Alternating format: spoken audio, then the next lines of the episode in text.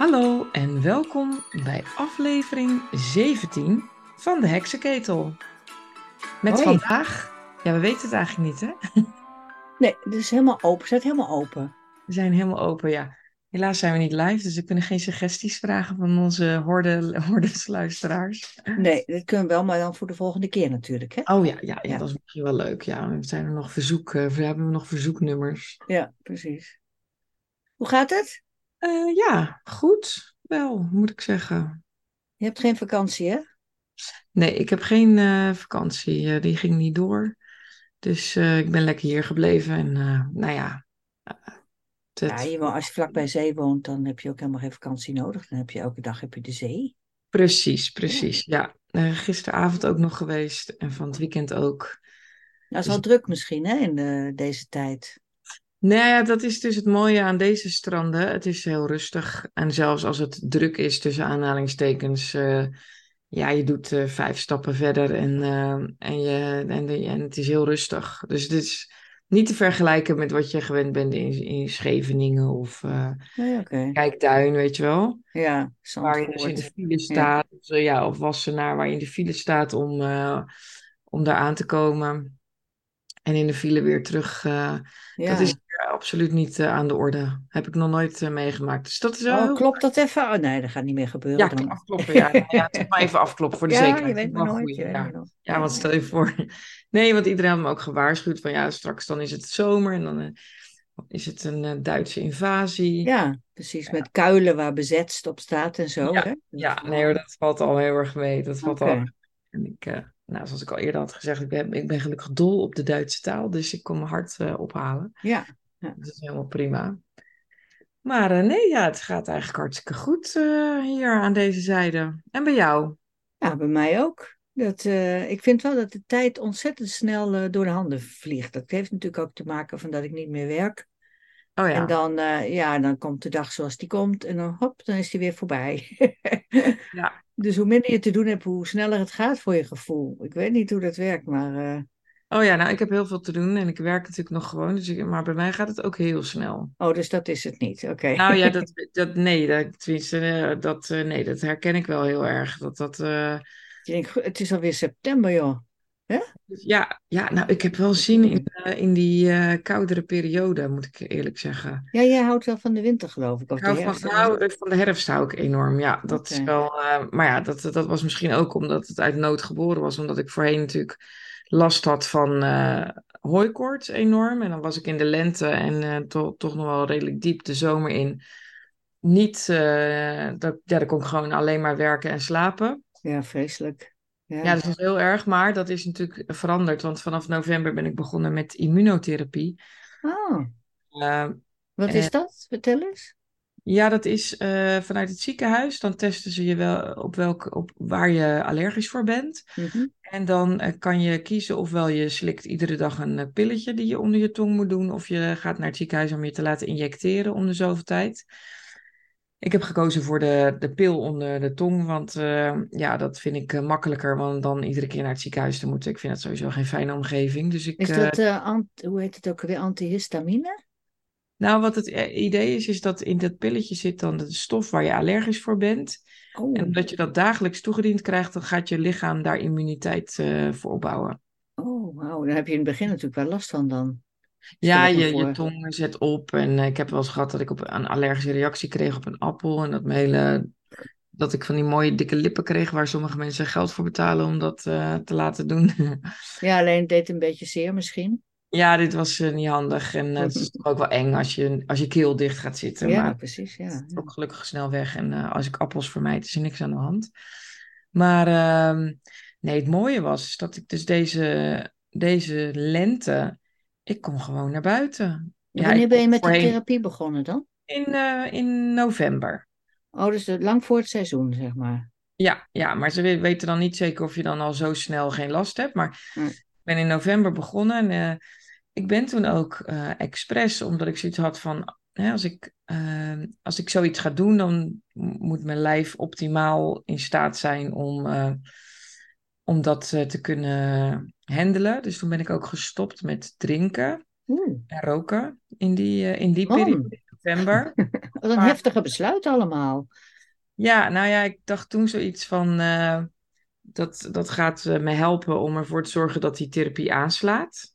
Ja, En toen ben ik wel weer begonnen met eh, drinken en roken. eh, want ja, dan zit je in een omgeving waar mensen dat doen en het is er toch een soort van gewoonte. En, maar die hele periode tot, denk ik, ehm, eh, mijn verjaardag zo ongeveer heb ik toen niet gedronken. En ik ben in februari jarig. Mhm. Wauw, dat is toch een paar maanden. Ja, Ja. dat voelde ik me heel erg prettig daarbij, eigenlijk. In alle eerlijkheid.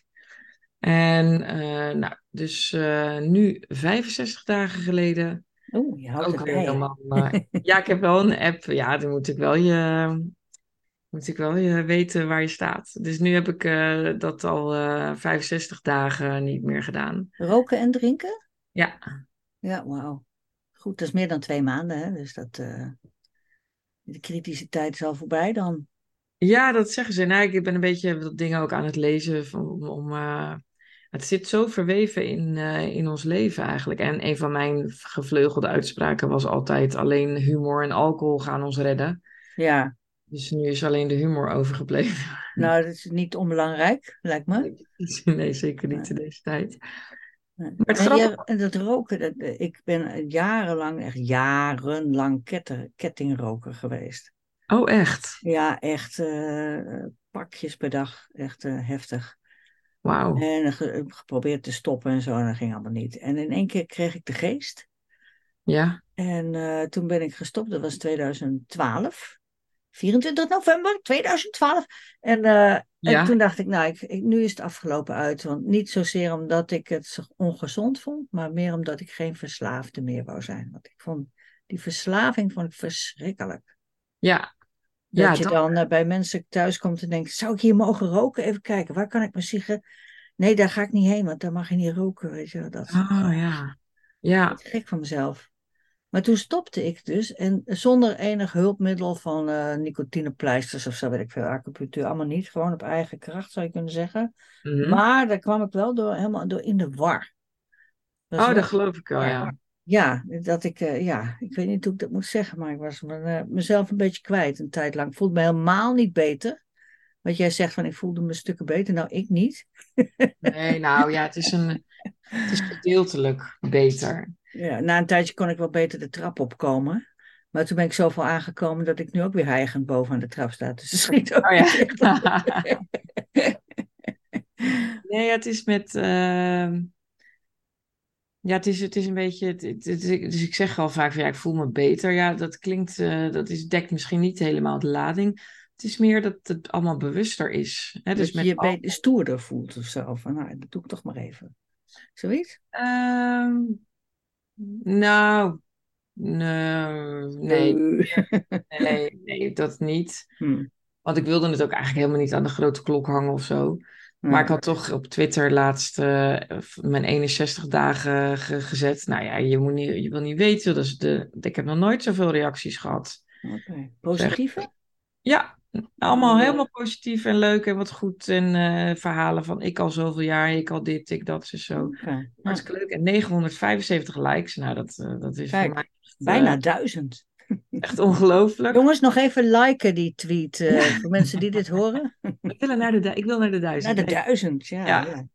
Maar eh, dus dat vond ik wel, wel grappig. Maar in principe, ehm, eh, ja, ik, het, ik lees ook het boekje van Petra Moes, De kunst van nuchter leven. Mhm. Zij omschrijft het wel eigenlijk wel heel mooi.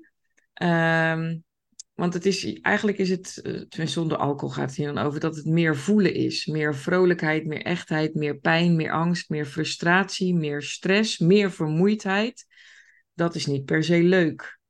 Nee. Maar het is, maar het is wel heel echt en vol en goed en waar. Ja, want je dempt natuurlijk alles, hè, met, met alcohol, maar ook met eh, nicotine. Dan demp je gewoon alles.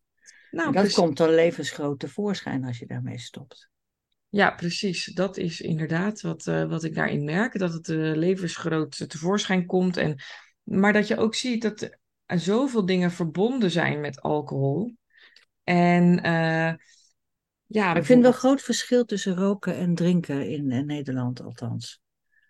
Bedoel roken kan haast nergens meer. Nee. Dat is echt asociaal geworden. Daar zijn Ja. ze uitstekend geslaagd in de campagne. Een zeer succesvolle campagne van jarenlang. Eh, alles, de, alles uit het café, uit het restaurant, eh, eigenlijk nergens meer. Ik heb nog meegemaakt dat je gewoon tijdens vergaderingen gewoon zat te roken, weet je? Oh ja, en nou tijdens Ja. In de klas. Bij mijn middelbare school zaten ze te roken. Dus Ja, ja. sigaretje te roken, ja, inderdaad. Maar drank, ja, drank ik heb- is een heel ander verhaal, vind ik. Ja, ik heb eh, wel, eh, ik, dat was wel een grappige reactie die ik kreeg. Zo van, eh, ben je nou niet zo'n persoon geworden die dan helemaal hysterisch gaat doen als iemand gaat roken? Hmm.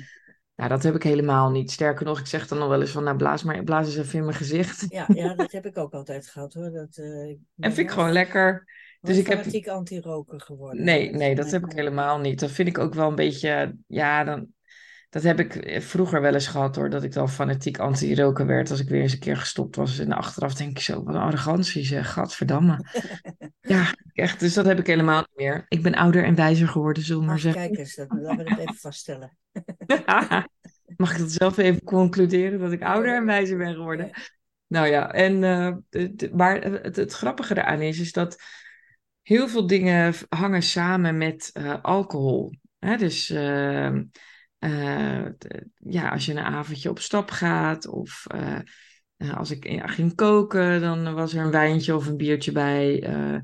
Als ik op een terras ging zitten, was er altijd, dat, was, was er altijd alcohol bij.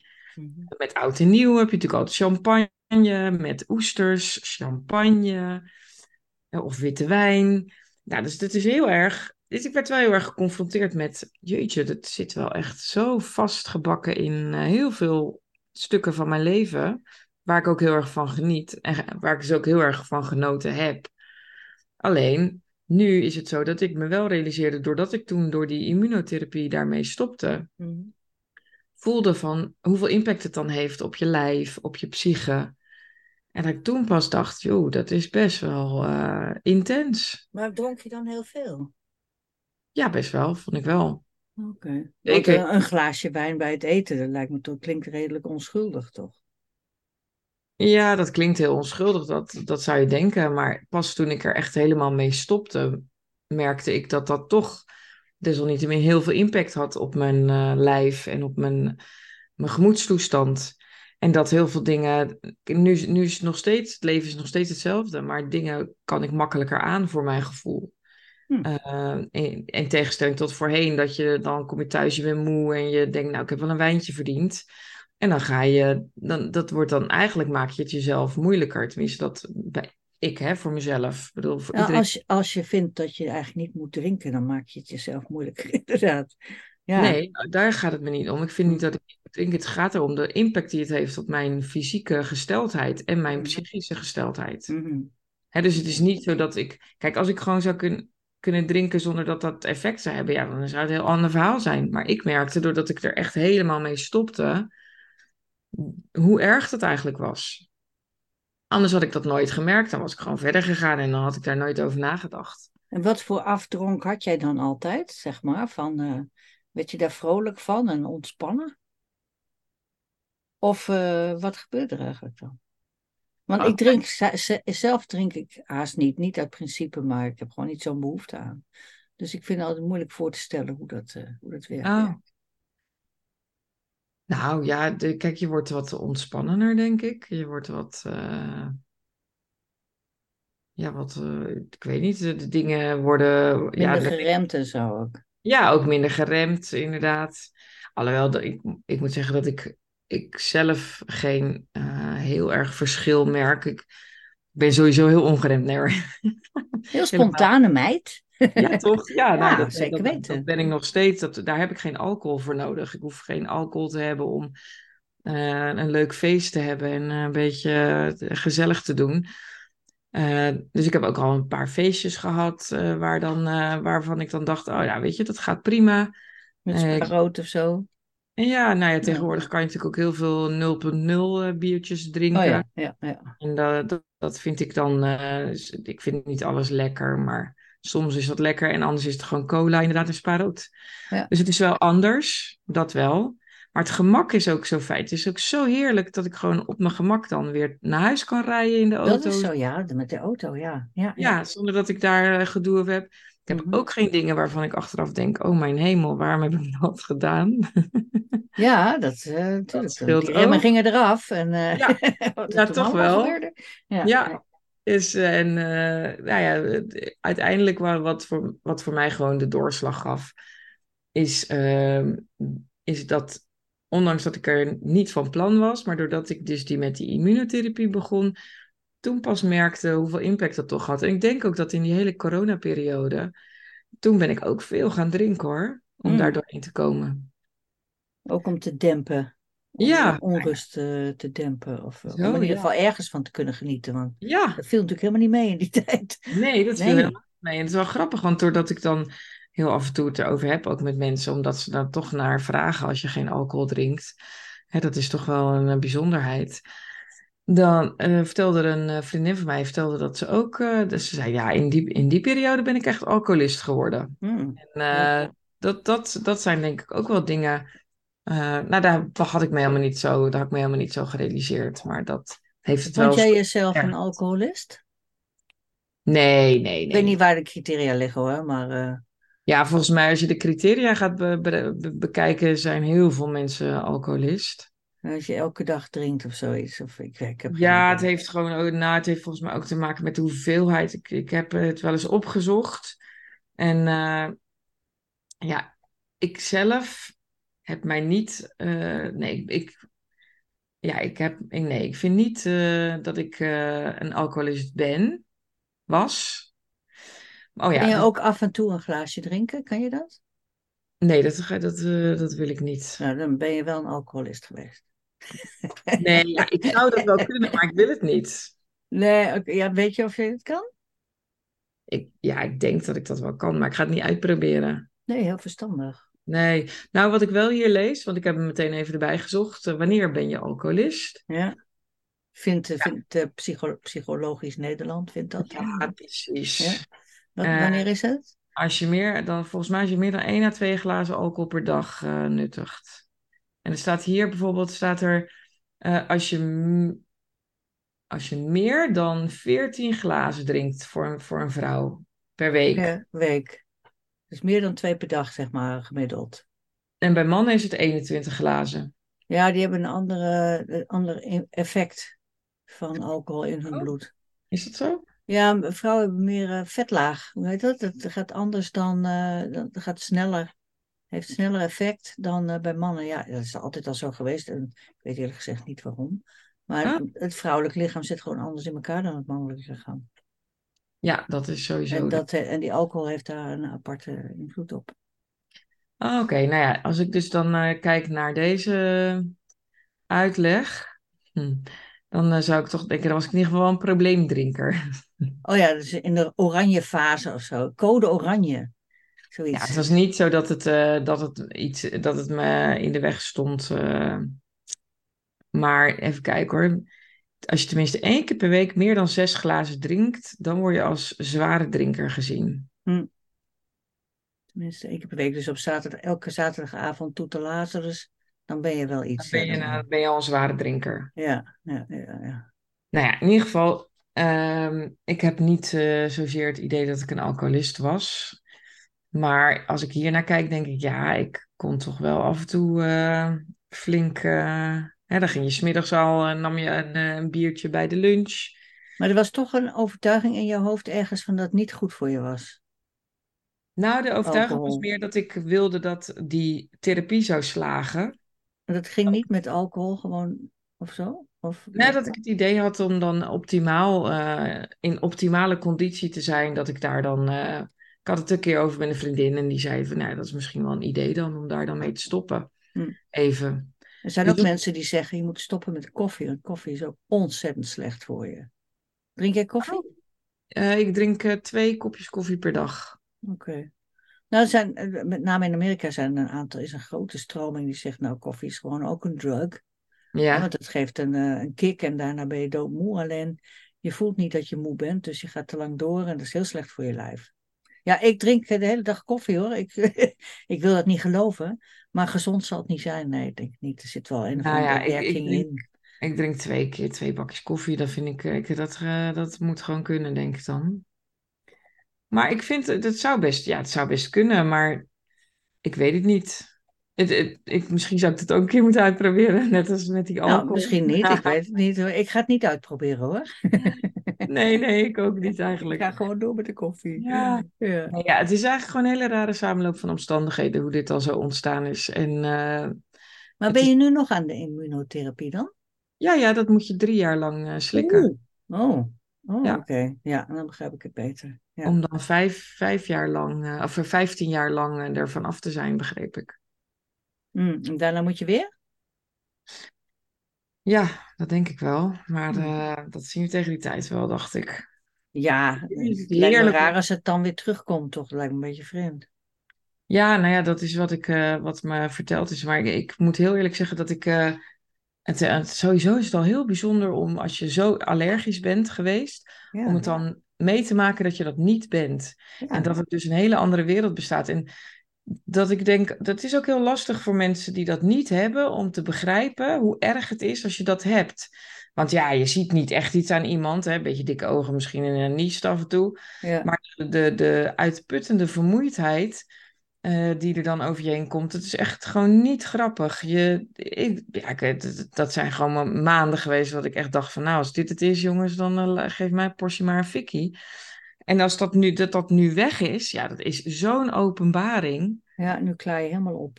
Daar klaar, daar klaar je inderdaad helemaal wa- waar was je allergisch? Of waar ben je allergisch voor? Voor appels? En boompollen. Wat? Boompollen? Van allerlei bomen. Ja, de berkenboom, geloof ik. Oh ja. ja. Dus die, eh, die hebben we nogal veel hier. Hm. En dat, Ja, want als je het hele seizoen, dan zijn het ook verschillende pollen waarschijnlijk. Hè? Vanaf april tot eh, september. Ja. Dan bloeit er van alles. Ja, daar bloeit van alles. Maar het gekke is, ja, ik weet dus ook niet precies hoe dat werkt. Want voorheen had ik dat ook echt. Dan was het een gras eh, of dan was het eh, weer een bepaalde andere boom. Maar op de een of andere manier was dat, is dat dit seizoen gewoon helemaal weggebleven. En eh, ik ben benieuwd hoe dat komend seizoen gaat. Maar dat, Oh. dat, dat is dus wel iets waar, waar, waar ik me ook steeds bewuster van ben. Dat hoe moeilijk het is om je voor te stellen hoe zoiets is als je dat dus nooit meemaakt. Als je dat niet zelf hebt ervaren. Dat vind ik sowieso een heel interessante eh, gedachtegang. Hè? Dat vaak zijn mensen niet bij machten om ja, empathisch te zijn naar iets wat ze zelf nog niet echt eh, hebben meegemaakt. Maar moet iedereen dan iets hebben, hetzelfde hebben meegemaakt om het te kunnen begrijpen? Nou ja, dat vraag ik me dus wel eens af. Nou, ik sprak laatst iemand die, die heeft een heel eh, verdrietig afscheid van haar vader moeten nemen en zo. En die heeft daar, het was mantelzorger en die heeft het heel moeilijk mee gehad. Mhm. Enorme rouwverwerking. En die ging naar een psycholoog. En die psycholoog is redelijk jong. Die heeft zelf nog nooit zoiets gehad. En zij, zij kon er niks mee. Ze zegt, ik vind dat iemand mij pas kan helpen als die ook door een rouwproces heen is gegaan. Dat Ja. hij weet wat ik voel. En dan kan je wel psychologie hebben gestudeerd, maar Ja. je moet het toch- toch een beetje zelf hebben ervaren om te begrijpen wat er aan de hand is.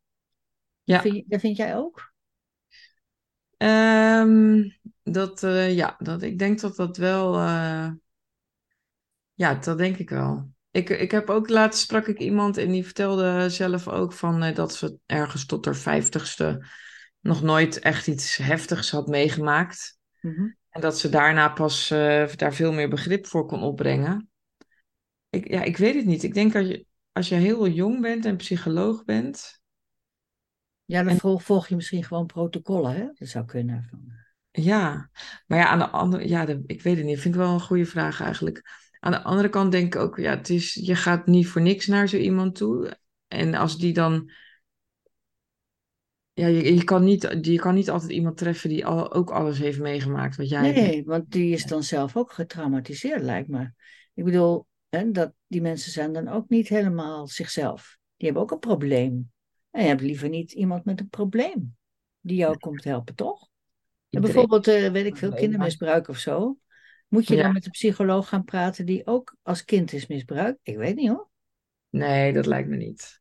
Nou, misschien. Ik, eh, het is voor mij een vraag hoor. Ik weet, ik heb er niet een uitgesproken uh, mening. Nee, ja, ik zit, vind het ook wel een interessante om over na te denken. Aan de andere kant, sowieso denk ik het, uh, heb ik meer vertrouwen in een wat oudere psycholoog. Dat zou ik uh, hebben. Nou, dat zou ik ook wel hebben, ja. Dat, persoonlijk. Ja, ja dat, precies. Zo'n jong broekie. Als we zeggen, dan heeft nog geen broek versleten. Nee, het is nog nat achter de oren. nat achter de oren.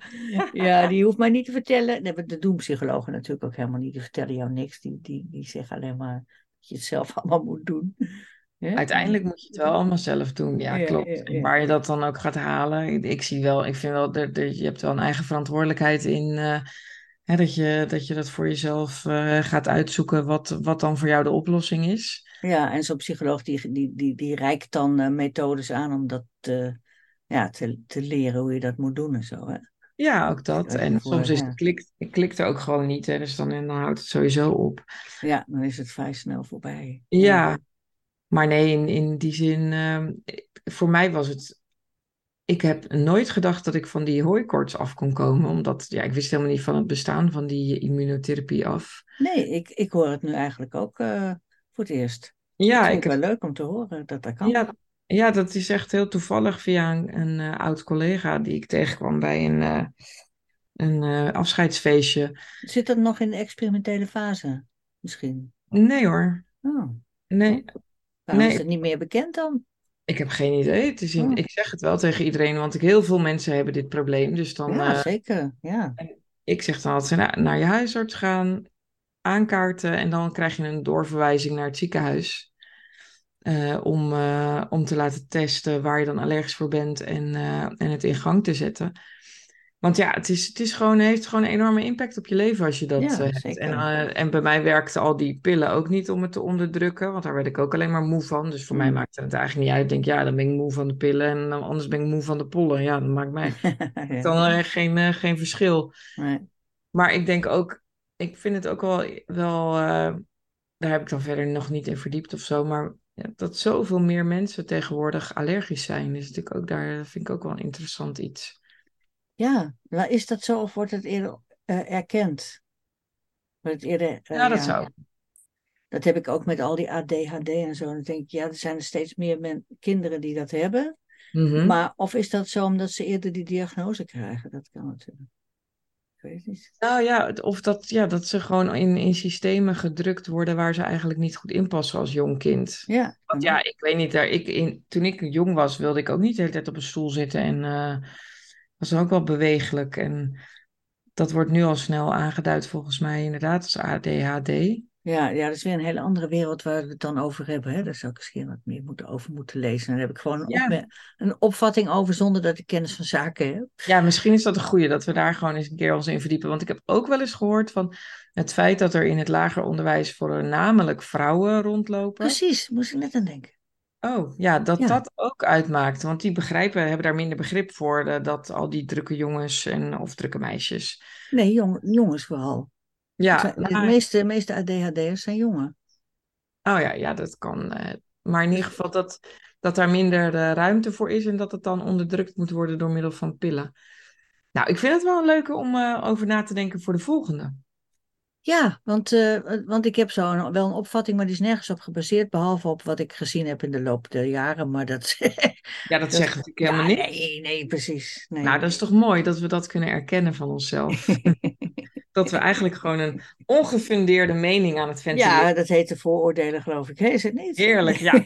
Lekker aan het veroordelen. Ja, ja. Nou ja, dat is ook wel een dingetje waar ik uh, de laatste tijd ook wel een beetje moe van word. Het constant maar veroordelen van de jeugd of de samenleving. Of... Maar doet elke generatie doet dat volgens mij. Hoor. Ja, dat denk ik dus ook. Hè? Dat de jeugd wordt altijd dan gezien als... Uh, nou, daar komt nooit wat, dat, die, dat gaat nooit wat worden. Nee, precies. Die jeugd van tegenwoordig. Dan weet je dat we echt oud geworden zijn. Ja, dan weet je waar je staat. Ja, ja, ja. nou, dat was hem weer voor vandaag. Ach, is de tijd alweer om? Het vliegt. De tijd is alweer om, ja. We hebben maar een half uur. Ja, dat is waar. En dat is maar goed ook, want anders lullen we de hele dag. Nee, dat is niet de bedoeling.